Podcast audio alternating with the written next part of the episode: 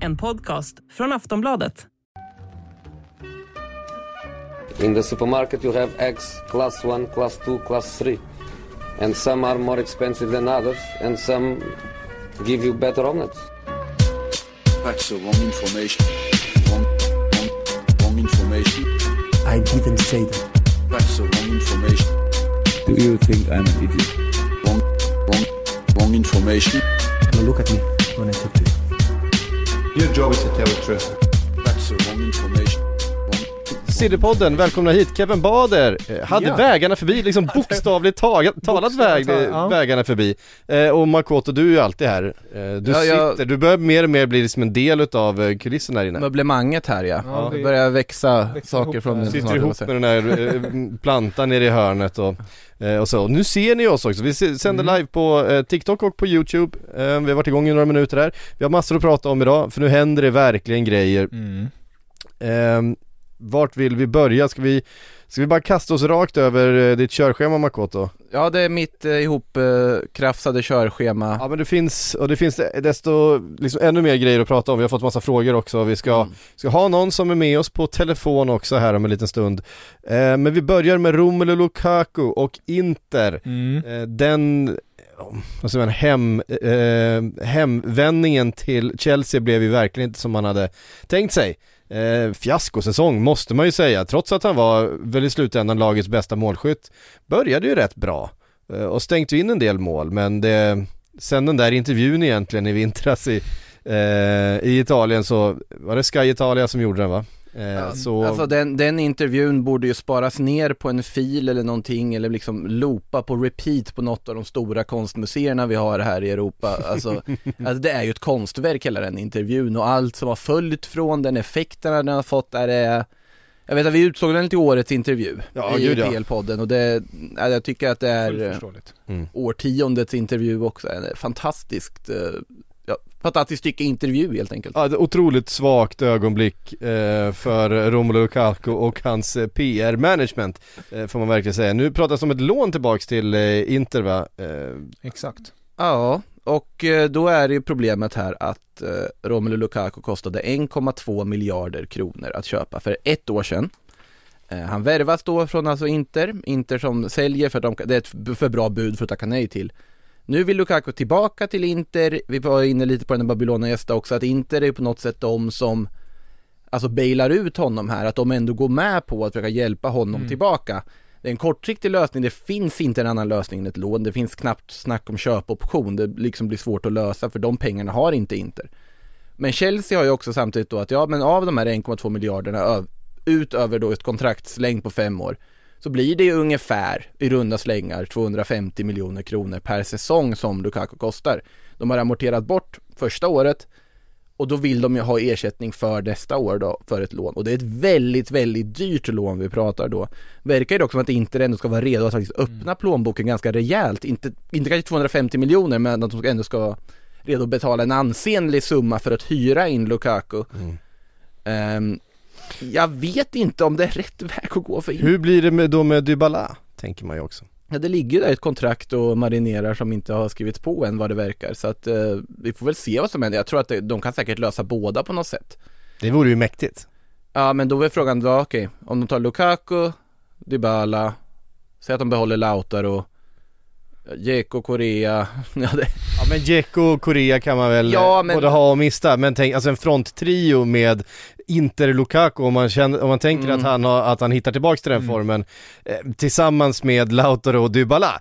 Det är, det är väldigt bra, det är alltså. väldigt bra. Det är väldigt bra. Det är, det är svårt att säga något annat än att det, det hade man ju velat se. Ja det, det hade man ju velat. Men alltså i, övrigt, det känns så kortsiktigt med Lukaku, det känns på något sätt som att Men Att- tror du ändå inte att han kan få den här nytändningen, att han kanske stannar då längre där? Det känns ju som att alla parter ändå vill till det här hållet för det finns ingen annan väg. Ja men det skulle ju vara om då, då Inter hyr honom på säsongsbasis nu Mm. för 250 miljoner kronor per säsong. Eh, det känns ju inte aktuellt. Nej. Att det blir lite som den här Alvaro Morata-lånet till Juventus där man betalar av en del av en hög köpoption per säsong. Eh, De håller väl på och förhandlar, de har ju varit i möten och det ska ju ändå varit positiva tongångar på det här mötet. Precis. Sen är frågan hur mycket Chelsea är redo att gå back på den här värvningen, för lite måste de ju vara redo att gå back, annars kan jag inte tänka mig att Inter skulle alltså, gå med på det. Då är det helt sanslöst egentligen. Så att eh, är det är en väldigt knepig sits, men det är väldigt roligt att Lukaku alltså då genererar en sån transferinkomst och sen kommer tillbaka på lån säsongen efter. Eh, ja, det är ju ett genidrag av Lukaku om inte annat och, och liksom genidrag av Inter om de lyckas genomföra det på så vis. Sen har väl hunnit spendera mycket av de här pengarna och de har väl inte fått alla pengar än heller så att det, det, är en underlig, underlig situation på alla sätt och vis som eh, Lukaku och klubbarna har satt sig i. Ja, alltså verkligen och jag menar det här är ju resultatet av en, eh, såklart, en, en, en misslyckad transfer såklart. Då blir det ju stökigt i svallvågorna av det. Eh, Men, det för ett år sedan, ja men för ett år sedan, eller det var inte ens ett år sedan, men för ett knappt år sedan då när Mm. det blev klart att han lämnade Inter och, och gick till Chelsea så var det ju ingen som trodde någonting annat än att nu kommer han hem och nu jävlar ska England få se vilken spelare det är Lukaku har Mm. blivit och han egentligen är. Eh, och så blev det Han verkligen. kan ju inte sätta sin fot i England igen ifall han nu får lämna. Alltså det går ju inte att han måste, han kan inte ta en vända till där. Nej. Vi har ju alla sett vad han kan göra i en annan liga. Och man hoppas att man får se den Lukakun igen. Eh, och i facit i hand, det var ett totalt felbeslut att eh, ändå ge Chelsea en chans. Men det är lite så här, horses for courses, en del spelare verkar ju verkligen trivas i eh, Italien just. Och frågan är ifall en sån spelare är Paul Pogba. Eh, finns vissa eh, saker som kanske tyder på det. Vi minns ju Pogba i Juventus en gång i tiden eh, och höjden han liksom nådde upp till. I, visserligen bara kanske stötvis sådär, det var ju inte så att han, att han höll en sådär jämn super super hög nivå i Juventus heller utan det var ju lite, lite ojämnt, lite upp och ner men, men framförallt den där höjden han visade upp eh, under Juventus-tiden. Vi har sett glimtar av den då och då i Manchester United också, liksom enskilda matcher, det kunnat vara liksom ett par tre veckor där man är såhär, fan nu, nu ser eller vad säger eh, Pogba Pogba. sådär otroligt vass ut igen, han vinner allt, han är bara målfarlig, han gör poäng, han gör allting liksom Eh, Men det har ju varit otroligt långt mellan de perioderna och de har varit alldeles för korta. Eh, En flytt tillbaka till Juventus kanske? Ja, det, det känns ju som det mest troliga. Jag tänkte ju de senaste dagarna när det snackas så mycket om Zidane till PSG, det gick ju foton och alltihop att det är nära. Eh, Nu har det inte kommit några nya uppgifter kring just Zidane om det blir PSG eller inte. Men jag tänker väl om Zidane skulle ha blivit aktuell eller bli tränare för PSG, då känns ju att Pogba till Paris rätt så rimligt på ett sätt. Att det skulle kunna vara den enda, på något sätt, andra vägen för Pogba att gå. Annars är ju Juventus givet. Det, det känns ju som att det nästan är eh, klart i princip. Eh, Bläcket ska bara torka ordentligt kanske. Men sen ska ju Pogba återvända. Och det är ju lite ironiskt på ett sätt att Pogba lämnat två, var det, var det inte ja, cirka tio år sedan eller någonting sånt som man lämnade just United på free transfer till Juventus. Sir Alex försökte övertyga honom men det blev inget. Nu tio år senare lämnar han igen på free transfer till Juventus. Och då har han kostat en miljard däremellan. Exakt. Eh, det, det, Juventus hatar ju heller inte liksom en 29-åring på free transfer. nej, nej, det, Mitt, det, Mittfältare, man tänker Kedira, Emre Can. Eh, Rabiot. Nu, nu har de i och för sig, det här är ju faktiskt en riktigt bra värvning för Juventus Exakt. på alla sätt och Ja. vis. Det är ju intressant där också, eh, alltså just det där med Zidane och PSG. Det, känns, det fanns ju uppgifter om att han ändå satt och väntade in vad skulle hända Mm. i PSG. Nu tror jag inte det blir Zidane. Tror jag Pratar vi om. Christophe Galtier ganska mycket, Mm. som hade varit jättespännande att se med ett sånt Men material. mick- ja. Ja med det här materialet, Luis Campos som och Galtier som har Ja. det här stjärnlaget, det är lite spännande att se vad det skulle vi, kunna vi kan ge. ta lite Galtier om, om en stund där, eh, och så pratar vi färdigt om Jo, jag kommer tillbaka, jag kommer Ja, tillbaka vi, vi, vi, vi behöver eh, vi behöver ge den, den kärlek det- den, be- den förtjänar för att det där är en väldigt eh, speciell situation ju såklart i Paris nu. Ja, Men, men, men, men Pogba i alla fall. Eh, det sägs ju att han ska vara helt klar. Gazetten har ju skrivit Mm. att han, det bara, han ska skriva på kontraktet. Men att de inte ska presentera det förrän i juli. Eh, då är ju frågan om det kanske, det har ju både med respekt till United att göra att hans kontrakt löper till 30 juni. Men också kanske att eh, främ, främst. Främst att eh, vad heter det, övergången sker på rätt sida av första juli-strecket för att ligga i rätt bokföringsår, eller kalenderår då. Ja. Eh, men sen också finns det andra uppgifter som att Pogba kommer avslöja sitt klubbval i sin dokumentär på Amazon som släpps här nu. Vad heter den? Pogmentaryn? Eller vad det var? Helvete. Åh, jag blir så trött på allt det här. Jag tror det var Pogmentary eller Pogmentary, Ja, stämmer. Pogmentary. Ja, han, det har ju kommit lite saker som han säger där, han går ju väldigt hårt mot Manchester United bland annat i den. Mm. Eh, har ju läckt lite citat från, från den serien där han bland annat då ska, ska säga att ja, det är fascinerande hur en klubb som verkligen vill ha kvar en erbjuder mig noll. Som då syftandes på Manchester United. Eh, något i den stilen var citatet jag läste i alla fall. Ja, men det är ju uppenbart att eh, Pogba på något sätt har varit eh, kanske den mest tongivande rösten bland den här gruppen spelare i Manchester, United som har varit missnöjda över Mm. eh, men hela situationen från tränarbänken upp till, till ägarna. Det har ju eh, verkligen inte rådit någon, nå- någon tvekan om att eh, det bara inte funkat ju. Eh, ska vi ta PSG då medan vi ändå var inne och tassade på Mm. det? Ehm, för att känslan här är ju, det är en jättespännande tränare Men är det det man behöver när man har en, en Mbappé som ska ha någon slags sportchefsgarantier En Messi och en Neymar som man egentligen helst skulle göra sig av med eh, Och Och ska värva Skamacka på det? och ska klämma in en skamacka och allt det andra liksom och du vet, du ska, Verratti måste ju få sin roll och sin plats på det där mittfältet och ah, hur, eh, ja, är, är, det, är det verkligen en en, eh, en så här, en lovande, taktiskt liksom snidad, eller är det en, eh, vad ska man säga, en barnvakt de behöver? Alltså de, Alltså- egentligen behöver de ju en Zidane. Ja. Alltså Ja, det är ju en barnvakt. Han hade ju varit en barnvakt, eh, så är det ju. Carlo Ancelotti är en sån också som Definitivt. skulle kunna vara en barnvakt. Han har ju för sig gjort sin PSG-vända redan men han kanske skulle funkat ännu bättre i dagens PSG kan man ju tänka sig. Eh, Han hade ju Zlatans PS- PSG. ja det hade han och för sig. ja men alltså det, jag vet inte, det är så svårt att säga för att alltså till viss del kan man ju alltid känna att man Alltså en sån klubb behöver få en struktur och ett bra spel för du har så otroligt bra material och det som saknas tidigare är ju liksom också dessutom inställningen att de har ju så lätt att bara falla ihop pladask när de får någon form av motgång mot sig. De har inte nått upp till den nivån de borde kunna göra sett i materialet de har att tillgå. Nu är ju det, de tar ganska tydligt steg mot att de ska vara mer progressiva i sättet de rekryterar spelare och sättet de spelar på att de bara anställer Luis Campos till att börja med. Eh, För de som undrar varför Luis Campos plötsligt dyker upp som Celta Vigos sportchef samtidigt så är det för att han då sitter som någon sorts konsult i olika klubbar. Eh, Så att det är därför Luis Campos är inblandad i Viljot Svedberg-övergången som verkar bli av till Celta också. Ja. Eh, För de som und- undrar varför Luis Campos dyker upp överallt i flödet. Något, något i den stilen, och han är i alla fall, han ska ju vara i PSG nu också. Och det är ju ett tecken på att nu har vi en annan idé, rekryteringsidé i vad vi Mm. håller på att jobba med. Galtier känns ju som ett typiskt Luis Campos-val.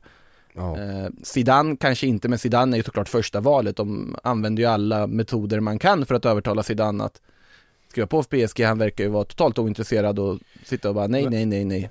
Vill göra annat. Ja men det är ju det att det känns som att första prioritet hos en fotbollsspelare i ett lag måste vara det här laget, eh, den framgången för det här laget med det här laget tillsammans med de här lagkamraterna är det som betyder allra mest för mig. Mm. Det är därför jag är här, det är det som i slutändan är det absolut viktigaste.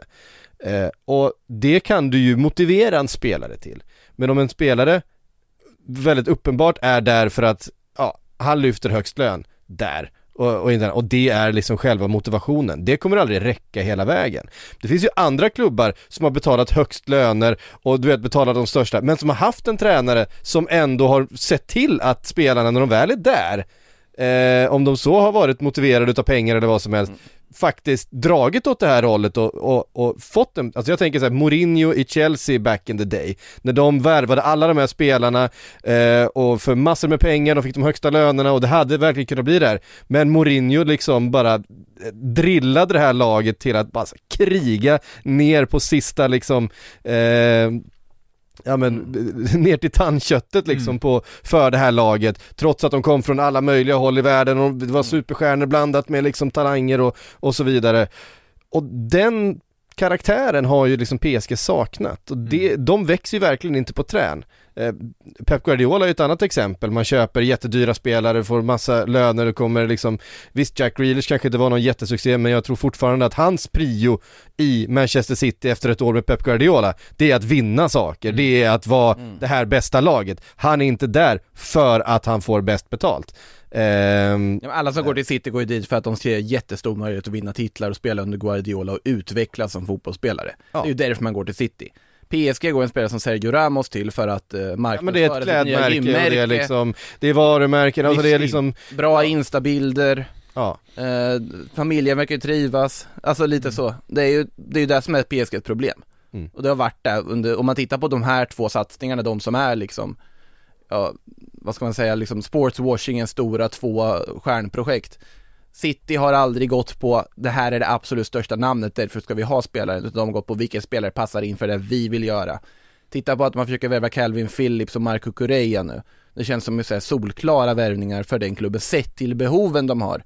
Och de kommer komma in och slussas in och funka utmärkt under Guardiola. Håland är ju på något sätt undantaget som bekräftar regeln för att Haaland också passade perfekt för City i det här läget och dessutom då, ja, har en. City-koppling. Mm. Så att, eh, alltså City är ju skötta på ett helt annat sätt, mycket bättre sätt och PSG måste ju på något sätt hitta sin metodik i det här. Problemet är ju att hur mycket kan du locka av att åka dit och vinna ligan?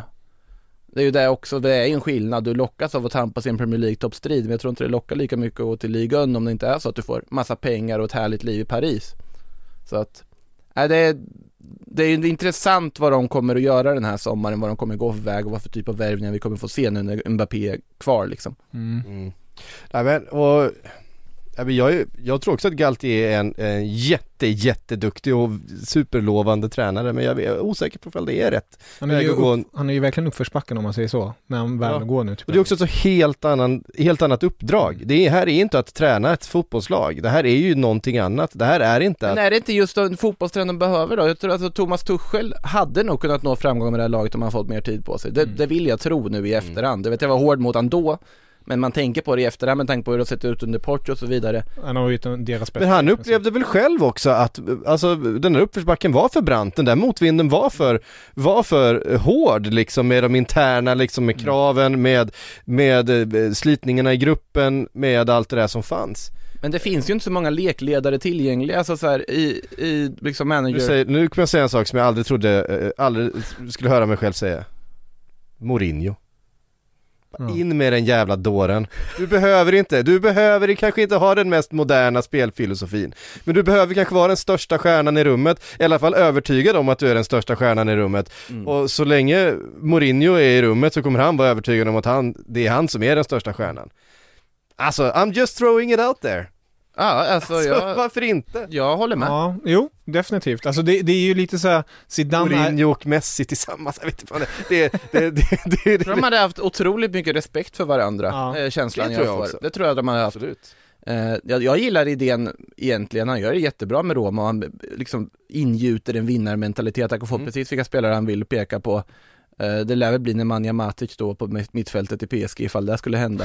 Nu- nu En av hans gamla generaler som har, Tredje vändan nu Ja. med Mourinho, det är ändå vackert att se att han, han får honom till Roma också. mm. Eh, det måste väl nämnas också med PSG för att just här, Galtier signalerar ju en riktning. Att de är intresserade av Lewandowski signalerar ju en annan riktning, att man inte riktigt vet vad man håller på med. nej, Eh, för det känns inte som att det är riktigt vad de behöver kanske, men nej. Vad gör, en, vad gör Icardi idag? transferlistad Ja. av PSG. Va? Av PSG. Märkligt. Jag ser det Eh, framför mig den här liksom så här typ, vad heter det? FM-grafiken där man har listat en spelare som bara står listad och så står det liksom, finns inget så här intresse eller något sånt i liksom rutan, utan det står bara ligger där. LST liksom Ja. listad. Ingen vill ha honom. Jag ser det framför mig stackare. Oj, oj, oj. Vi ska alldeles strax ha med oss någon på... Förlåt, är han med? Då ska vi se, har vi någon med oss? Eh, Jonas? Hallå då? Hallå Jonas! Välkommen till Sillypodden! Eh, du får presentera dig och sen så får du eh, presentera vad det är du vill prata om. Ja, ja, då är en 38-årig man från Strängnäs som är ett stort Newcastle-fan. Så ni kan gissa vad jag vill prata om. Mm. Eh, Eh, New- och det är ju, ja, precis. Det händer ju mycket där, eller vi Det försöker ta så mycket som möjligt från dem.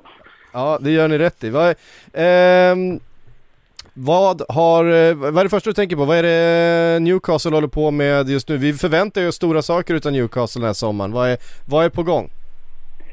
Alltså just nu så har de ju, jag tror de har det ganska tufft med att klubbarna är ganska hårda mot dem. Så de försöker jobba med Bottman och Ekiteke just nu och det, det skulle vara klart den här veckan men det verkar ju dra ut på, på tiden. Alltså Bottman vill väl egentligen helst i Milan själv. Är väl det som sägs i alla fall, att det är det som lockar honom. Så att den blir svår att lösa på så vis tänker jag. Och Ekitike känns väl ändå som att det, det kommer väl lösa sig förr eller senare, alltså med tid, när de kommit överens helt och så vidare. Mm, det tror jag också. Så, Icardi är transferlistad. Kan vi, kan vi övertala en Icardi att flytta upp till Newcastle? Kanske. En spelsyn. hur, hur, sugen är, hur sugen hade du varit på en sån värvning? Ah, inte jättesugen. Man är väl mest sugen på Gimarais polare där i Paketa skulle så vi får ett brasilianskt trio där på mitten. Det vore ju. Ja, alltså Lucas Paqueta hade varit en fantastisk värvning för er måste jag säga. Eh, för många klubbar, det pratar ganska lite om. PSG pratas det ju ganska mycket om och det hade ju varit spännande att se honom där också. Väldigt konstig karriär egentligen. Och liksom offensiv mittfältare tidigare så blir det någon sorts Alltså ganska unik box-to-box typ som kan i princip göra allt på en plan. Lite som Nkunku Mm. är också. Eh, för kanske inte samma målsnitt på Paquetá riktigt Nej. men, eh, men lite den typen, så här ny form av position som inte riktigt fanns för några år sedan. Rudd Schullit. Mm. Ja men lite, ja, men, ja, men lite den, det där Lite stuket. så. Haidar har ju snackats om också om Newcastle. Det var ju Rudd vin... Schullit har du inte snackat om. Nej. Haidara. Från, Haidar, ja just ja, det. från Ja. Leipzig. Mm. Tvåvägs. Precis. Var ju aktuell för United också, i, Mm. eller Manchester United då, i vintras men när han- Rangnick, eh, Precis, men han kommer ju lämna nu i sommar. ja det kommer han göra. Mm. Eh, Man har ju snackat om Diaby också från eh, Leverkusen. Mm. Han, han blir väl svår att lösa kanske. Ja, vad säger du Kevin? Diaby? Diaby från Leverkusen. Mm. Det- hade ju definitivt varit en eh, till en riktigt fin förstärkning. Han har gjort en riktigt bra säsong i Bayer Leverkusen. Han är kvick, han är snabb. Jag tror ju utan tvekan att han skulle platsa i Premier League. vilken position går han in på? Han, han går ju på höger yttern oftast. Mm. Utgår därifrån och sen tycker han om att vika inåt. Och Då, hade man ha, då hade man haft en, eh, en ehm, Saint Maximin på Precis. ena och Diaby, för två Mm. franska En- snabba tekniska yttrar. varsin sprattelgubbe på, en sprattelgubbe på varje sida. Det är inte, det är inte helt fel. Nej. Han, är ex, han är ju så jädra jobbig. När han väl kom upp i fart, ju- då, då måste man ju nästan kapa honom och Mm. ja, få ta det gula. Men. Diaby kan ju utgå från vänster också dessutom så att Stämmer. du kan ju använda honom där med. Eh, alltså om de ska ha in en till ytter så är det en utmärkt värvning. Och en spelare också som teoretiskt sett skulle kunna tänka sig göra en sån flytt. Och han vill ju göra den. Han är ju, Mm. han har varit väldigt öppen redan. Alltså att han, han vill ta nästa steg och Premier League är ju som oftast den destinationen de flesta spelarna vill till. Och li, lite för, alltså inte riktigt aktuell för Big Six. Nej, Nej. men strax under där. ja, och, och en, ja absolut. Men det hade varit bra för Newcastle. Mm. Och sen Maximan flyttar man väl inte på Jonas? Nej, nej han, han, han måste ju vara kvar. Ja. Han är ju älskad av oss alla. Ja men han är ju det, han är, det, det finns, ju inte, finns ju inte en mer underhållande spelare i, eh, i Premier League skulle jag säga, för man vet fan, ibland så kan han dribbla åt helt fel håll också, men, men dribbla det, det gör han. Ja, han hade ju tagit sig förbi med, klart mest av alla i Europa. 150 per man mot man lyckade förra säsongen. Det var ju långt före någon annan. Så han kan ju något. Vad slutade han på? Två mål? På det. Ja det är så otroliga Adama Traoré-vibbar på honom, det, det är ju, man, man, man älskar ju det här att, det var också, för jag tror att eh, Traoré hade det någon gång, eh, var det i Middlesbrough redan, eh, när, han, när han snittade sju lyckade dribblingar per match. Vilket är, så här, jag tror att Eden Hazard då var tvåa i Premier League med 2,9. Eh, och det var liksom, det var, det var de avstånden i, i, eh, i rent statistiskt. Och han stod på ett mål, en assist. Kom, kommer ni ihåg i våras när man trodde att Adama Traoré skulle liksom lyckas i Barcelona? Ja, efter, efter debuten där när Ja, han bara slaktade den, bra. eh, den kanten. Ja, det såg så otroligt bra ut och sen bara dök det. Det vart ingenting och nu eh, vet jag ingen aning vad som hände med honom. Han blir inte kvar i Barcelona i alla fall. nej, det, Nej, ja, det är väl helt hem till det är Wolves Newcastle. kanske. Ja, precis. Det var snack om det också, men Ja. det har snackats om alla. Sen Ja. Maximen och Adama Traoré på varsin sida. ja, då, ja, men då blir det ju då blir det fyrverkerier i alla fall. Ja. Eh, det hade varit underhållande. Och sen Icardi i mitten. Och sen Icardi längst Har du plockat ihop det där ordentligt? Där har vi det. Ja, vi kan ju hoppas på något. Om du får drömma då, eh, innan vi går vidare. Om du får drömma, vilken eh, spelare hade du helst av allt velat se till Newcastle den här sommaren? Det var hyfsat realistiskt. Ja, men jag tror fortfarande jag skulle ta Paketara eller Paket eller om man snackar om honom. Jag tror att det kan, alltså fan, två bästa polare, det kan ju inte gå fel. Nej, det känns som en bra, en bra förutsättning faktiskt. Mm. Eh, En paketlösning. Ja, precis. ja men superbra Jonas, tack för att du ringde. Tack, tack för en bra show. Tack, tack. Vi eh, går vidare då. Jag vill Eh, ursäkta mig också för, för det förra jag sa precis, så går vi vidare från det. eh, Frankie de Jong. Mm. Ehm, ja, alltså, han kommer ju hamna i Manchester United till slut den här sommaren. Det är bara... Du, du tror det? Ja, alltså nu tror det. Alltså det...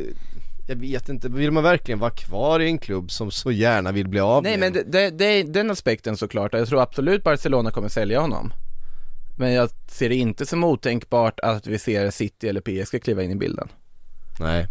Och Nej, alltså- jag ser det som Just nu är problemet som är i Frenkie de Jong fallet just nu, det är ju Det enkla att nu har de börjat förhandla Men de har helt olika bilder av vad man ska betala för spelaren Barcelona vill ha en miljard.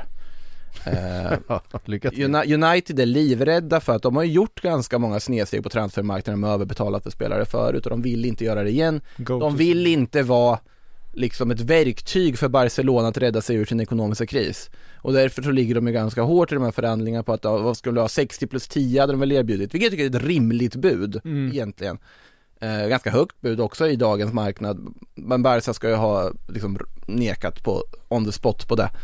Eh, Jag har dock svårt att se att City eller PSG vet man ju aldrig, men att, att City skulle gå in där och betala en miljard för de Jong.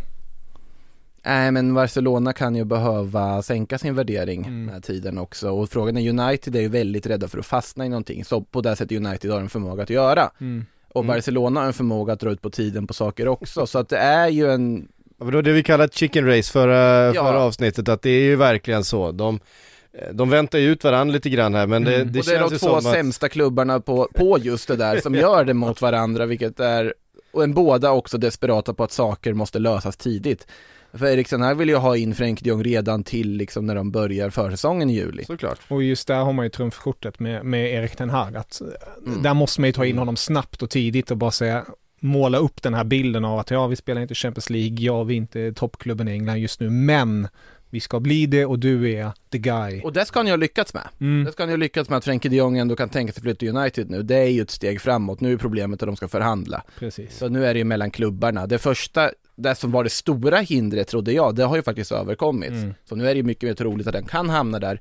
Men samtidigt, nu kommer ju uppgifter om att United ska erbjuda Christian Eriksen ett kontrakt. Ja, vi ska ju precis eh, fråga, vi har fått en fråga från TikTok nämligen. Jaha, Jag oj! tror att det är poddens första TikTok-fråga. Någonsin. Eh, efter nio år.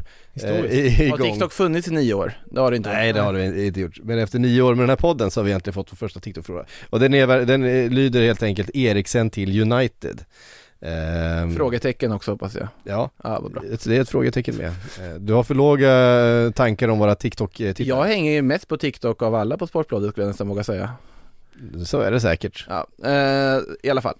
Nej men, eh, så här, om de inte löser Frenkie de Jong Mm. så är väl Eriksen en ganska bra lösning. Men eh, jag har också, alltså det har ju kommunicerats om att Eriksen-affären inte Precis. är avhängig eh, Frankie de Jong utan man kan tänka sig att ta in båda. Men varför? eh, Alltså det blir lite så här, Eriksen kommer ju på free transfer. Det, det är ju en tacksam affär att göra. Ja. Han kostar inte så mycket lön, han känner till ligan, ta in honom. De Jong blir ju mera statement nyförvärvet. han ska bygga kring. Han ska Precis. bygga mittfältet kring honom. Precis. Eh, men då, om man förutsätter då, beroende på vad Bruno Fernandes ska användas, för jag räknar Mm. med att han ska vara en betydande del av det här United även nästa säsong. Uh, Frenkie de Jong, Eriksen kommer ju då vara en truppspelare. Och då är Mm. frågan i sånt fall, hur intresserad är Christian Eriksen av att gå till United och vara en truppspelare? Eh, samtidigt finns ju Tottenham som också ska vilja värva honom. De ska vara beredda med ett, eh, ett erbjudande också. Mm. Och Brentford vill ju behålla honom, Newcastle är väl redo där också. Det Och många. återigen, Erik Ten Hag. Det, det känns som att han är nyckeln för allt Ja, United ja, men så just är nu. det, så är det.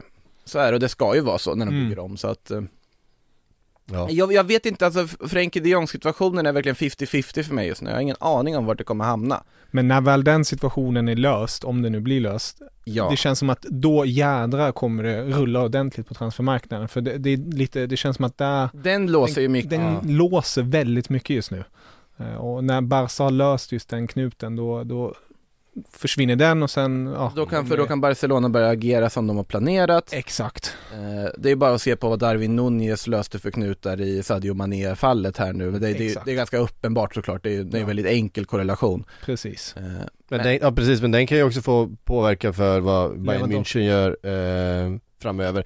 Nu kommuniceras det lite grann som att ja, om eh, Lewandowski försvinner att ja men då har vi tagit in ersättaren Mané men han är, det, är Nej, ju, det, det, det, det, tror jag man lurar supportrarna om. ja, ja, ja. Det, kommer ju bli, det kommer bli en till anfallsvärvning där. Det måste ju bli det annars Precis. så... eh, Men det kommer ju bli ett annat, så som jag har förstått eh, experterna där nere också och hur de kommunicerar, alltså det blir ju ett annat spel direkt när Levi försvinner för de kan inte ersätta honom rakt av. Det blir ingen Mm. Det Haaland och så. Det, och då, ja, blir det annat. Jag vet inte, vi kanske försvinner för mycket från eh, de Jong nu, men Men Lewandowski borde ju ändå prata om känns ja, det som. definitivt. Ja, kör på. Ja, men heter Lev, det senaste från Levi är ju verkligen att ehm, där har de ju kommunicerat med varandra att nu tysta, nu tystar vi ner lite, vi snackar inte ut i media så mycket och, och ser vad som händer. Eh, Bayern säger själv att de kan tänka sig att ha både Levi och Mané nästa säsong utan några större som helst problem. Men eh, Lewandowski har ju varit tydlig med att han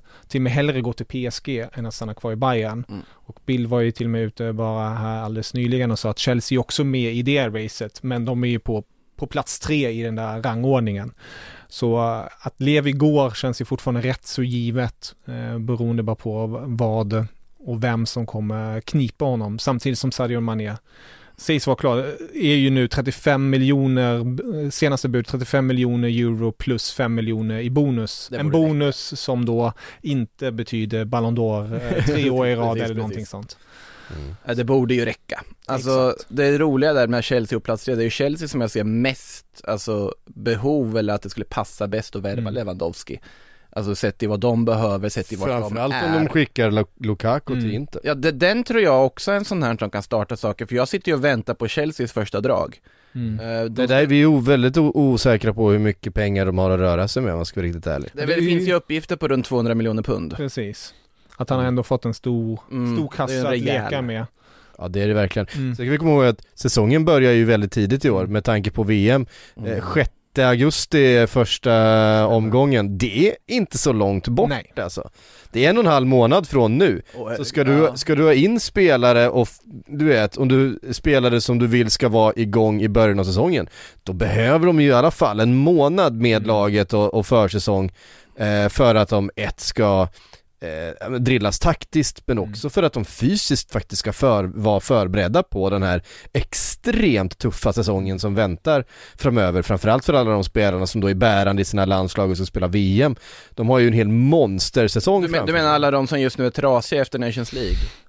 Ja exakt, alltså Nations League, vad är det för... Alltså jag vet, det var, det var befriande att Luka Modrics uttalande, för han var ju, hade satt i huvudet på spiken där på att det är skamligt i princip det här uppehållet. Mm. Alltså det är fyra, fyra matcher på tio dagar direkt efter säsongen. Mm. Eh, och såklart att Sverige får spela med ett nödlandslag på att alla blir skadade. Det är inget konstigt att alla blir skadade i varenda landslag. Alltså jag förstår inte vad de håller på med. Mm. Eh, alltså när du, om du, ah, nej vi behöver, ska inte gå in för långt på det, men i alla fall så att, och då ska du ha så att försäsongen börjar nu i juli och sen ska du dra Mm. igång matcher, sen har du uppehållet för VM och så du, I den här säsongen så toppklubbarna, vi pratade om det inför förra säsongen också där med att nu måste man ha mycket spelare och vara redo att rotera för det kommer vara ett tufft schema. De behöver ju trupper på 30-40 spelare för att kunna Precis. täcka det här den Och det galna är ju Premier League, de har ju, de kör ju Boxing Day. Alltså Mm. de kör ju de matcherna Ja, ja. Jag såg Det någon... kommer de aldrig De kommer aldrig ta bort. De hade ju en översikt såg jag på sociala medier på alla toppligor med deras uppehåll efter VM. Då är det ju som vanligt väldigt tacksamt att spela i Bundesliga då. De har ju ett uppehåll på 64 Det dagar. är väl typ i april någon gång. Ja, de börjar, Ja, börjar april igen och köra. Nej, men de, de har ju väldigt trevligt. Alltså, eh, de tyska lagen har ju det väl, eh, ja, som vanligt väldigt trevligt på Ja, det det längsta uppehållet av alla i Europa. Yes, precis. Också fyra färre matcher i ligan att spela. Exakt. Och eh, apropå det här med Chelsea också tänker jag, vi snackar mycket framåt nu men bakåt. Alltså man har ju tappat Christensen, man har tappat Rydinger, alltså där måste man ju också Ja, stoppa ja, in nu ordentligt. eh, För att på något sätt, för ni får gärna rätta mig om jag har fel, men Thiago Silva, det är väl Det är det enda de har. den Ja, det- mittbacken, det är den, den stora mittbacken man har kvar. Sen har man ju många ungdomar och lovande spelare så. Absolut. Eh, Chaloba och Sar och så vidare, men alltså Ja. för att Aspilicueta verkar ju vara fortfarande på väg till Barcelona. mm. Det känns faktiskt så. Eh, särskilt nu när Dani Alves inte får förlängt. Och det är ju officiellt att Alves lämnar och då kommer ju, sägs det att man De stoppar ner Reece James i trebackslinjen igen. Eh, Jag tycker det är som slöseri. Ja, det är ett otroligt slöseri, Det är så otroligt slöseri, men ja, Han är lagets bästa poängfot. de, de behöver ju värva två mittbackar. Och nu, nu är det ju väldigt intressant när det kommer uppgifter om att Jules Koundé hellre skulle vilja gå till Barcelona än att gå till Chelsea. Mm. Eh, hur Barcelona har tänkt att lösa det, det är en helt annan sak. Det är, ja. Att, för Chelsea ska ju vara redo att betala utköpsklausul på 90 miljoner euro. They det dare to dream i Barcelona i alla fall. Nej men alltså att Koundé ska ha sagt det, alltså nu är det ju Mundo Deportivo som skriver det här, vi får ta en nypa salt, det är Barcelona-baserat, men ändå att, att Koundé ska ha kontaktat Sevilla och sagt jag vill till Barcelona. Och Sevilla, ja men då kan vi gå ner på 65-70 miljoner euro. Ja det har ju Barca. Vill ni ha Trincao på köpet?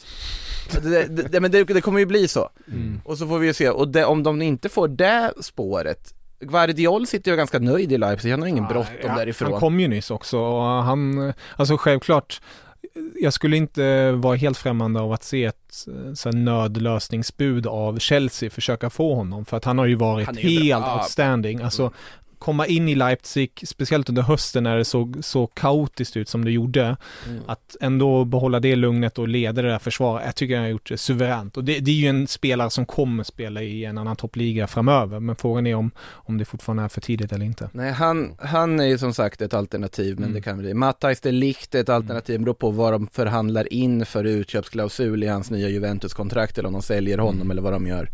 Eh, vilket också beror på andra faktorer och vad som händer runt om. Eh, Koulibaly kommer nog, kommer vi prata om tror jag den här Mm. sommaren och faktiskt lite mer seriöst än vad vi brukar göra. Nu är det inte en miljard det pratas om, något mer från Napoli, men han sägs ju då sitta och vänta och inte vilja skriva på nytt med Napoli, men han vill ju också till Barcelona. Ehm, Alla väl till Barca? Ja, jag vet inte riktigt vad, och det är väl där liksom den här storklubbsattraktionen, att det är något speciellt att spela för klubbar som Real Mm. Madrid och Barcelona och Bayern München och Juventus, det är ju det. Men jag vet inte riktigt hur allting ska gå ihop, men jag tror att Barca måste nog sätta sin plan, man måste veta att De de, inte har råd, det måste Precis. liksom klargöras innan vissa spelare accepterar att typ gå till Chelsea istället. Sen tycker jag väl spontant att det är mycket större chans att vinna titlar och framgångar i Chelsea idag. Så att eh, de kommer ju lösa sina mittbackar, men det ska bli väldigt spännande att se vilka det Mm. blir, för det är många som vi på något sätt känns svårlösta just nu. Mm. Ja, och det börjar bli dags att fylla på de där eh, trupperna inför försäsongen här Exakt. faktiskt. För att, eh, eh, alltså vet man hur avancerat ändå taktiskt det är att spela i de här toppklubbarna nu. Eh, det finns ju en anledning till varför till exempel några utav dem är väldigt, ute i väldigt god tid och, och eh, ser till att ha sina trupper redo. Det är ju men Manchester City, eh, Real Madrid, Liverpool, eh, kanske Bayern München men där eh, brukar ju vara väldigt bra på att tidigt ha det klart. Men där, där har man ju hamnat i en lite trasslig situation med, Exakt. med Lewandowski. Ehm, I övrigt så känns det väl ändå ganska, ja det är en ersättare till Lewandowski då som Ja, ska läsa. Sen alltså är det det- inte sådär jättemycket mer som Egentligen behöver. inte, det, det är skon som klämmer det också med Gnabry. Eh, Mm. om, han, han är ju helt öppen med att han kan definitivt spela sista säsongen utan att behöva förlänga. Mm. För då sitter han i superläge med att förhandla med en ny klubb, få sign-on etc. etc. Så de vill ju helst sälja honom om man inte förlänger. Mm. Eh, Samtidigt ser det ändå rätt så bra ut. Pavard har ju gått ut i, i kicken nu och sagt att han är jävligt taggad på den nya säsongen för nu är han lovad att vara mittback. Han har ju varit högerback Mm. hela tiden. Nu ska han vara mittback tillsammans med landslagsmannen Hernandez. Uh, Upamecano då? Upamecano också, alltså det Nej, blir, de, ja, det mm. blir de tre som roterar på en fyrbacks eller trebackslinje. Eh, och sen har man ju vävat Gravenberg som ni pratade om Mm. senast. Suverän värvning, kommer bli jäkligt spännande att se honom i, i Bayerns mittfält. Riktigt, riktigt bra värvning för det där priset också. Exakt, och sen Sadio Mané. Alltså det, det känns ju som att de, de har ett, ett starkt lag och sen får man bara se om det är Levi där framme eller om det är Kalasic från Stuttgart eller Ska vi räkna bort Lukaku helt? ja. Det skulle jag ändå säga. Men jag hade, det hade varit väldigt roligt att se honom i Bayern. Men eh, jag, jag, med tanke på det skulle bara sluta med att i höst skulle han störa sig på läderbyxorna och säga att jag vill till Italien återigen. Mm. Alltså det, det känns Nej som men det är att... då han vill till Chelsea Ja, igen. det, det, då han känner- ja. Men det är Eh, någonting med honom, han vill ju dit. För att han nämnde, Bayern var en av de, en av de Mm. klubbarna han nämnde som en toppklubb han skulle vilja spela i, som han Mm. aldrig har nämnt förut. Eh, I den här klassiska intervjun Mm. som vi kommer referera till många gånger under den här sommaren. Eh, så, ja, men nu verkar han ju vilja till Inter och Bayern kanske inte vill gå där spår. Det, det känns lite för stökigt för Ja. Bayern att göra ett fönster där man plockar både Sadio Mané och Ja. Romelu Lukaku också. Ready to pop the question? The jewelers at BlueNile.com have got sparkle down to a science with beautiful lab grown diamonds worthy of your most brilliant moments. Their lab grown diamonds are independently graded and guaranteed identical to natural diamonds, and they're ready to ship to your door. Go to BlueNile.com and use promo code LISTEN to get $50 off your purchase of $500 or more. That's code LISTEN at BlueNile.com for $50 off. BlueNile.com code LISTEN. Ja, ehm, vi ska vidare, vi ska prata Bissouma. Mm. Eh, vi har fått en fråga här ehm, ställd till oss från Jonathan Alfons. Vad tycker ni, vad tycker ni om Tottenhams värvning av Bissouma? Det verkar vara väldigt nära ju. Ehm, Jag ska göra läkarundersökning och allting Ja, här nu. det- det- Kanske till och med presenterad när vi sitter och pratar. Mm. Ja, det, det, det är på den nivån. Inte bara den sports, de sportsliga aspekterna utan även med tanke på anklagelserna och eh, ja, som uppkommit det senaste året. Det är ju så här att eh, spelare som har den här typen utav historia kommer alltid vara en spelare med den typen utav historia. Han var alltså anhållen under eh, ganska många veckor i vintras för eh, ja, sexuell Ja, vad det nu, hur, hur man nu översätter det, sexual harassment Mm. tillsammans med, eh, han greps tillsammans med en annan man då i, i, i Brighton och var anhållen rätt länge. Har släppts men det är fortfarande inte liksom avgjort. Det är inte, har inte varit någon rättegång än men han har nu släppts. Eh, Ja. och det är klart att det, det påverkar. Eh, sen är han ju fortfarande en fantastisk fotbollsspelare och han spelade under, eh, under våren. Efter han kom ut så spelade han med Brighton. Ehm, och ja, det är väl, det blir ju upp till, han är inte dömd för något eh, än så länge. Och förmodligen blir han det inte heller för att eh, gissningsvis hade Tottenham inte gjort den här investeringen om det fanns en... Det är ju det som är det cyniska och tragiska i det, att de säkert har gjort den liksom bedömningen att ja men det här kommer inte bli dömd, då är det okej. Mm. Ehm, och då, då kan Men man... samtidigt, man är oskyldig tills man är... Jo, naturligt, man är och det där är ju så svårt. Det där är en så svår balansgång blir det ju också på något sätt, alltså när och det, det stämmer ju att man är oskyldig tills man är, tills man är dömd. Men samtidigt, okej, Cristiano Ronaldo är inte dömd heller men alla liksom vet ändå. Ja. eh, Så att det där är, ja jag, jag tycker det är ganska konstigt att lägga de pengarna på Man kan sitta här på en hög moralisk häst och säga Jag det. är helt övertygad om att i januarifönstret när Manchester United var eh, och tittade på mittfältare att man för att man var intresserad utav, man har varit intresserad av Bissoma tidigare men att det påverkade med tanke på deras höst med, med Greenwood och så vidare att eh, det fanns liksom PR-mässigt inte utrymme eh, att ta en till sån eh, diskussion för att ja, man hade hela ja, Ryan Giggs på läktaren, alltså allt det där som var eh, stora diskussioner runt Manchester United och det är klart att en spelare som, som har varit på ett eller annat sätt involverad eller associerad runt eh, vissa typer utav händelser utanför planen på något sätt går runt med en liten asterisk vid sidan av sitt namn. Det, det kommer vi liksom inte ifrån. Det är samma sak med vilken kändis det än är, om det är en musiker eller om det är en skådespelare eller vad som helst så, så blir det någonstans, ja, vad, alla människor drar ju sin egen gräns för vad man skiljer på verk och artist på något sätt. Och det är samma sak med fotbollsspelare. Eh, jag är helt övertygad om att Bissouma kommer spela i, Manchester, eller i Tottenham och att han kommer vara helt fantastisk för att han är en, en brutalt bra mittfältare och han kommer vara perfekt i, i Contes. Det är Eh, sportsligt sett är det en utmärkt värvning. Eh, eh, ja, Sen, sen så här, priset är ju, nu har jag ett år kvar på kontraktet såklart och det gör ja att alltså priset- 25, 25 miljoner är ju ett... eh, It's a steal. It's a steal. Men- Och det kan säkert vara påverkat utav, eh, utav definitivt. den här eh, Så är det vintern där han ju satt ganska många veckor häktad. Ja, de måste uppenbarligen dock vara väldigt, väldigt säkra på att han inte blir dömd. För annars, då kan man ifrågasätta vad överhuvudtaget, då blir det väldigt spännande hur de resonerar då, om man precis har spenderat massa pengar på en spelare och han då efter det döms för någonting. Mm. Eh, så att de måste väl vara helt säkra på att han inte blir där då. Antar jag. Ja. Och vem vet, han kanske är helt oskyldig. Är Exakt, det är ju det, det är vi, det, vet, är vi, vi vet inte men eh, är man associerad till en viss typ av brott så kommer man få bära med sig en asterisk eh, vid sidan av sitt namn. Det, det, det kommer man liksom inte runt. Ehm, och som sagt, det här gäller många kända offentliga personer i många sammanhang.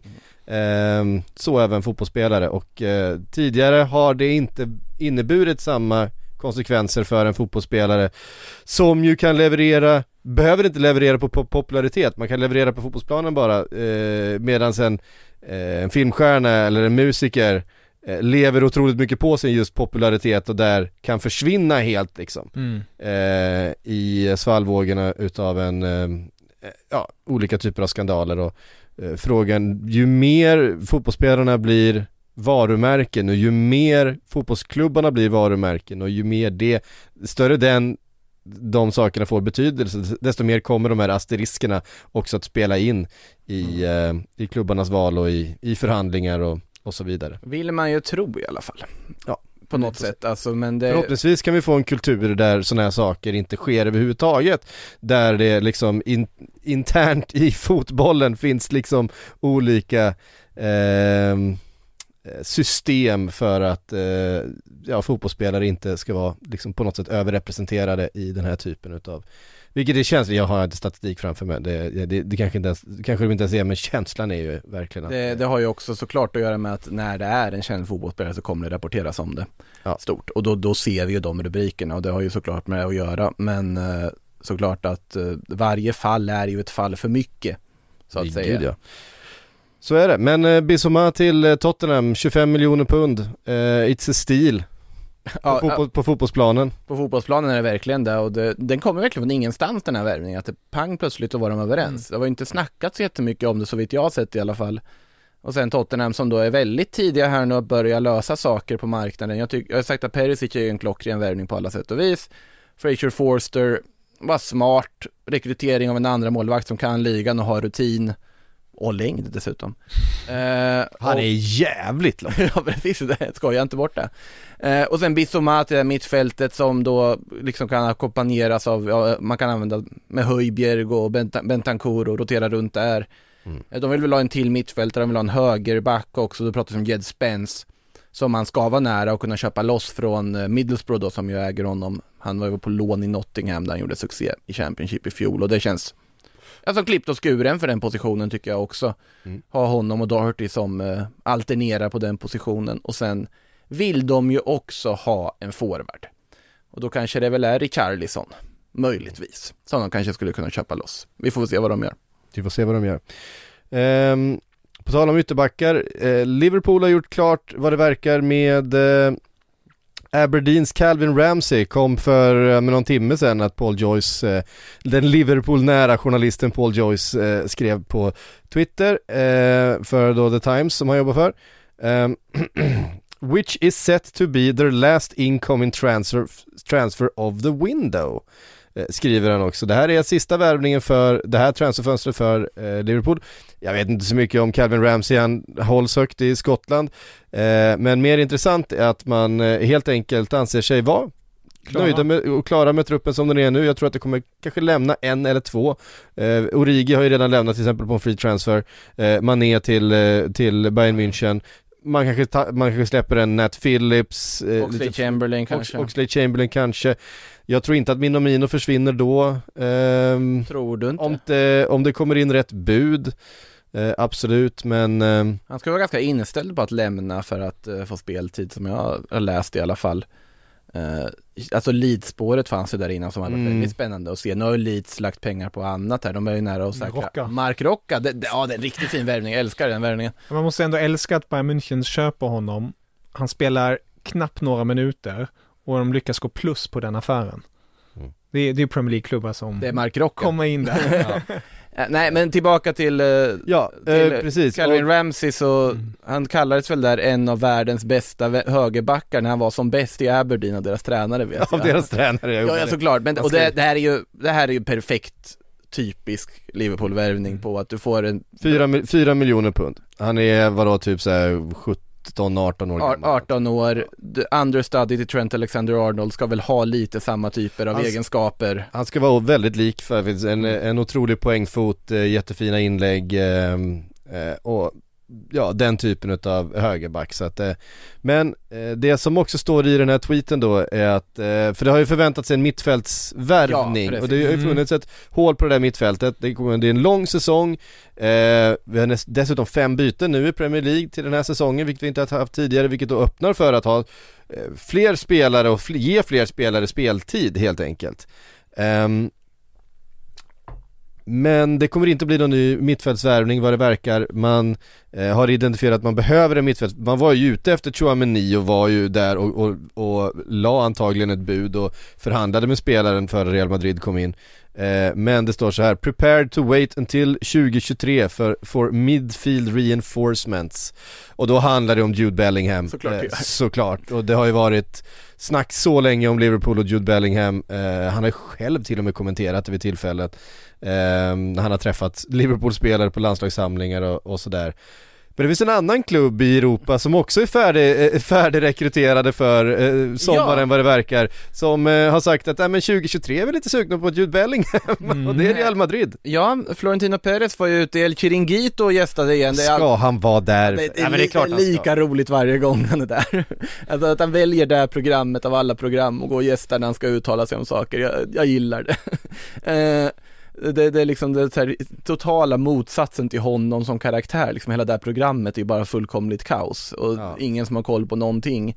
Eh, ibland har de ju lite koll på vissa saker. Han, programledaren, dramatiske Pedrerol, han har ju ändå vissa ingångar ibland och, och är ganska tidigt ute på saker stundtals, men han känner ju Florentino Perez väl också och kanske därför Perez också kommer till hans program. Framförallt är han ju en eh, en, eh, ja, men en slags fotbollsprimadonna i de här, alltså han är ju, han är ju känslomässig och han river ju upp de här, han är, han är ju oerhört bra på att bygga de här. Underhållare. Han är en underhållare, han är ju Ja, ja. bra på att bygga den här dramatiken ju. Mm. Eh, för de som inte kan spanska och vi undrar vad vi pratar om så följ El Chiringuito in English på Twitter eh, som lite så här skämtsamt kommenterar allt de hittar på i det här programmet. Det är Hela, otroligt hela, underhållande. hela det programmet är ju, är ju väldigt mycket tongue in cheek, alltså det är ju med en glimt i ögat allting Ja. som händer. Det, är, det, det, fullstå, det, det framstår ju som fullkomligt apart om man, om man tänker sig att allting är på blodigt allvar i det tv-programmet, men det är det ju verkligen inte. Go- Goti är ju ofta och gästar där också ibland. De var ju nu, senast var de ju jättearga på Luka Modric. För att han hade ju bytt tröja med Kylian Mbappé efter landskampen och Goti sa att nej det, det, det är inte okej liksom, Pedro. De, de var ju så arga, Madrid-supportrarna där. Eh, det var lite ro- roligt. Hur som helst så Ja, har Real. Madrid, eh, har, ja. så har eh, Perez och Real Madrid sagt att ja men eh, den där Bellingham 2023 kanske vore Mm. något. Jag bara fattar inte vart han ska spela i Inte jag heller. Alltså, nu har du ju värvat Chouameni, du har Får ni skicka Kamavinga- till Liverpool istället och det kan jag, det kan jag köpa. Det, det förstår jag. Eh, Kamavinga, Chouameni, Fede Valverde. Ja. De ska ju ta över efter Modric, Kroos, Casemiro. Och vi kommer det kommer ju vara Modric, Kroos, Casemiro nästa säsong också, det är helt uppenbart. Eh, från start i alla fall, och så kommer de roteras in sådär. Och få lite mer avlastning, och det är väl bra. Och det är ju världens, jag har ju sagt det tidigare, men jag tycker det är världens bäst kompletta mittfält om man sitter truppbreddsmässigt just nu. Så varför ska Jude Bellingham in? Ja, det är väldigt oklart, men han är ju bra. Ja, och han kommer ju kosta liksom upp mot en miljard. Mm. Eh, att lösa från eh, Dortmund vad det verkar. Och det är inte otänkbart man ser Fede Valverde mer som en komplementspelare.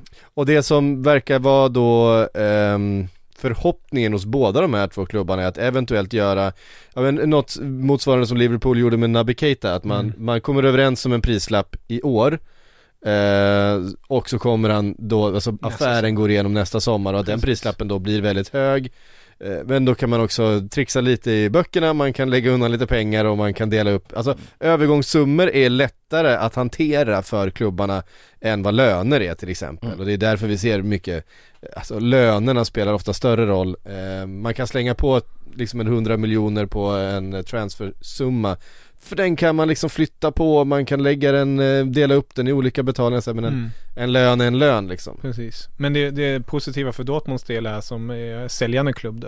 De har ingen utköpsklausul som de måste Nej. gå efter. De, de har ett långt kontrakt med honom fortfarande. Så det är ju verkligen den här 100 miljoners gränsen som man snackar om. Jag såg att Bild skrev att Real var beredda på 90 eh, nu i första hand och Liverpool är beredda på att spräcka 100 miljoner gränsen. Så vi får väl se vem, är- vem som vinner där slutligen. Precis, och det är just det, det Bildt har ju också det, är både Bildt och Cadena Ser som rapporterar att Mm. Madrid ändå funderar på det, så det är ändå, alltså Bildt har ju koll Ja. på tyska, Precis. Cadena Ser är trovärdiga i Spanien. Mm. Eh, ni- 90 som Real Madrid vill ge är ju också för att de är rädda för att det kommer bli ett budkrig och att bu- priset kommer trissas upp om Exakt. ett år. Att om man säkrar honom nu för 90, Dortmund känner att vi tar 90 nu Mm. och nöjer oss så, har det säkert, vi får kvar honom ett år till. Eh, att man försöker lösa det på det här sättet. Jag tror ju dock att det blir liv. Jag har svårt att se att Madrid ska vinna den dragkampen och att han ska välja Madrid före Liverpool i det här läget. Sett till vad man har för andra mittfält. Det är väl om man vill vara en del av det här supermittfältet då. Mm, men Det känns- det, det känns ju ändå som, han är engelsman, eh, Liverpool, Klopp, alltså jag har så svårt ja, att det se. Passar, det, det, det är så perfekt. Det är så Exakt. perfekt. Det känns nästan dock som att Real bara vill jävlas på ett sätt. Alltså sätter sig in där för, för att trissa upp det här för att eh, samtidigt som Liverpool säkert, precis som du var inne Patrik, att man, man vill ju säkra honom nu för att nästa säsong, vi ser att United är Champions League-klara, eh, Chelsea är Champions League-klara och är starka och vill förbättra någonting eller ja, då finns det fler eh, kandidater Exakt. där som kan plocka in honom. Men ja, jag tror... PSG får för sig att ge sig in i leken, det är inte otänkbart heller. Det är inte ote- för Dortmund är en drömsits. De, de lutar sig bara tillbaka nu och bara Ja, de, de har det, de har det jättetrevligt. Mm. Eh, det är lite intressant det där tycker jag. De har sett ändå i transfermarknaden nu i Chouameni jakten, man Mm. har sett det i Kylian Mbappé, man har sett det med Sverige med Bellingham snart. De här nya rivaliteterna som något sätt håller på att gro i fotbollsvärlden, den här mellan det liksom nästan genuina hatet mellan Real Madrid och PSG som finns idag och liksom irritationen där, Real Madrid och Liverpool-rivaliteten på att de möts i en CL-final klubben eh. CL-finaler och de tävlar om samma spelare. Jag tycker att det är lite häftigt att se dem. Det säger väl också en del om hur Barcelona har fallit i, liksom, fallit i marken här på att de inte är inblandade i sånt här utan nu bygger, bygger Real Madrid liksom rivalrelationer med andra klubbar Mm. Ut, ute istället på att Mm. det saknas motstånd, eller på att säga, i, i Spanien just nu sett till vad som händer där. Mm. Eh, vet ni vad, vi ska ta och kasta in lite frågor, vi har ett Mm. par eh, punkter kvar egentligen. Eh, Manchester Var- City eh, framförallt och eh, eh, Asensio till Arsenal. Vi kan väl bara eh, nämna det då, att Arsenal är intresserade av Asensio och det hade ju varit en lite av en skräll verkligen. Ja, alltså han, han sitter ju i en lite intressant sits, för han har ett år kvar på kontraktet. Han anser sig själv ha spelat tillräckligt bra för att förtjäna en högre lön. Som ska spegla, Anser någon annan det? det är det som är frågan vad Real Madrid anser om det. Eh, om han verkligen har gjort det. Nu har han haft sin målmässigt bästa säsong i karriären bakom sig ska sägas. Han gjorde faktiskt 10 mål i ligan den här säsongen. Eh, Men samtidigt, han har inte varit riktigt den samma, alltså briljanta ytter som han var innan den här långtidsskadan han hade. Och har inte riktigt tagit det där klivet som man kanske väntar på att han ska göra. Om de inte förlänger, Asensio har själv sagt att jag kan tänka mig spela ut eh, Kontraktet. Ja, och det, det här är också ett farligt prejudikat som många stjärnor har satt nu där, Kylian Mbappé, Osman Dembélé, Paul Pogba allihopa. Att ja, det går visst att spela Mm. ut kontrakt som absoluta världsstjärnor och sen bara sitta och välja och vraka mellan precis vilken klubb du vill. Såklart det lockar för gnabberi för, Mm. för, ja i det här fallet Asensio också. Klubb, det är klubbarnas mardröm för de vill ju absolut få Precis. någonting, någonting i ersättning för det. Ehm, eller skillnad då kanske till exempel på, ja Mo Salah är ju en situation där kanske Liverpool är redo på att behöva ta den smällen ifall det skulle krävas på att de får ha honom ett år till. Ja, jag börjar nästan eh, luta åt att man eh, är hellre ser Mohamed Salah på den lönen han har nu i ett år till och sen försöka ersätta honom än att ge honom ett ett kontrakt med den monsterlönen i två, tre år Mm. ytterli- ytterligare för att Ja det är ju, det är ju, Ja, det är ju, det, är ju, ja men det är ju pengar som man ett, det hade inte varit ett speciellt långt kontrakt, de hade inte fått någonting tillbaks eh, i form av pengar eh, i slutet på det kontraktet heller förmodligen. Ehm, och det är pengar som hade kunnat användas till att bygga om den där truppen, något man måste då göra i vilket Mm. fall som helst, bygga om det där anfallet som man ju har börjat göra. Eh, eller ja, man har kommit en ganska bra bit på väg med, med eh, Luis Diaz och, och eh, Eh, Darwin Nunez och dessutom Diogo Jota så att på vissa sätt kan man ju säga att man redan har, att man redan har byggt om eh, anfallet där men eh, jag börjar luta åt att Liverpool känner att nej vi tänker inte i det här läget bryta vår lönestruktur. För det som händer sen då, då kommer van Dijks eh, agent till, till tränaren och Alissons agent och säger vad fan ska han ha 400 000 pund i veckan? Eh, och jag sitter här med 200 000. Och Trents agent och, Och Robertsons Trents agent, agent och, och- Fabinhos och agent Thiagos agent, ja men precis och sen och, nästa, Milleners och, agent. nästa, och nästa spelare man ska värvas agent, Mm. kanske framför Ja. allt. Ehm, Darwins agent igen. Ja precis, men nu Eh. kommer ju Darwin Nunez in på en ganska hög lön men en klart hanterbar lön eh, för Liverpool motsvarande den, den man, Sadio Mané hade. Nu har man skrivit ett sexårskontrakt med en spelare på den lönen istället för att behöva Ja. höja den till en, Precis. till en fyrdubblad lön som Mm. det liksom pratades om. Ehm, I förhållande då till det Mohamed Salah skulle vilja ha. Så att eh, jag, börjar, jag börjar luta åt att eh, jag tror kanske han spelar ut kontraktet och lämnar Eh, och så säger vi tack för en lång och, och trogen tjänst och sen så eh, hittar vi en eh, ny spelare. Eh, det tror jag dock inte Real Madrid kommer med Asensio om man ska gå tillbaka till det. För att de vill ju då sälja honom för 40 miljoner typ ungefär. Det här fönstret om det, om han inte vill förlänga, om de inte kommer överens om någonting. Och jag tycker väl att det är rätt att göra det. Och då sitter ju 40 miljoner in för Asensio. Då kan man flytta de 40 miljonerna, ringa Bayern München och säga hej, den där Serge Gnabry, han är ju trevlig. Mm. Och värva honom. Det tycker jag det har varit en lysande lösning. Ja, de har ju visat intresse. Jag nästan tycker att man skulle göra det oavsett om det går att göra, men eh, Ja, och då är det i alla fall, men Asensios fall så är det Arsenal som nämns, det är Milan som nämns, Mm. lite United och Newcastle på ett hörn också. Jag vet inte varför Arsenal kopplar samman med så otroligt mycket Men, yttrar. men han känns ju väldigt Arsenal-kompatibel. Alltså inte, inte för att hacka ner på Arsenal, men det, det är på något vis den här spelare som har visat en viss höjd, men håller inte den regelbundet. Eh, ja, har, har någon form av flair, men ändå inte hela vägen. han Alltså, skulle det- kunna vara väldigt bra i Arsenal tror jag. Ja, tror jag. Han, är, ju- han, är, alltså- han har ju en poängfot, alltså han Mm. har ju ett ruskigt skott. Och är, är väldigt bra på att hitta rätt situationer och hitta lägen. Han har använt centralt i liksom någon sorts falsk nia-roll också. Han kan användas lite överallt. Jag tycker det är en ganska bra rekrytering av dem de skulle få igen det. Sen tycker jag ju såklart att Arsenal ska prioritera Serge Gnabry om de kan. Eh, om man Ja. pratar yttrar, Precis, men där är det Champions League-platsen som... ja det är ju det. Gabriel Jesus verkar man ju dock vara närmare nu. Han Mm. verkar faktiskt vilja gå till Arsenal också. Precis. Det är ju de senaste uppgifterna där om Mm. att han och det tycker jag är väl en jättebra start på fönstret för dem. De har inte riktigt kommit igång än Arsenal men det, Mm. det kommer väl. Vet ni vad? Eh, nu knackar det på dörren här, klockan sprang ifrån oss under inspelningen här idag. Vi, Det vart inte så mycket, har vi någon snabb fråga man ska? eh, ja, vi har fått, en eh, väldigt massa frågor, jag tror vi får kanske göra ett uppsamlingshit på frågor eh, snart eh, igen. Vi ska bara konstatera att Manchester City eh, siktar på att värva Calvin Phillips. Mm. Det nämnde vi ju förbifarten tidigare vi- också. vi nämnde Både det i- Philips och Kukureya fantastiskt fönster igen och de eh, löser otroligt mycket Manchester City.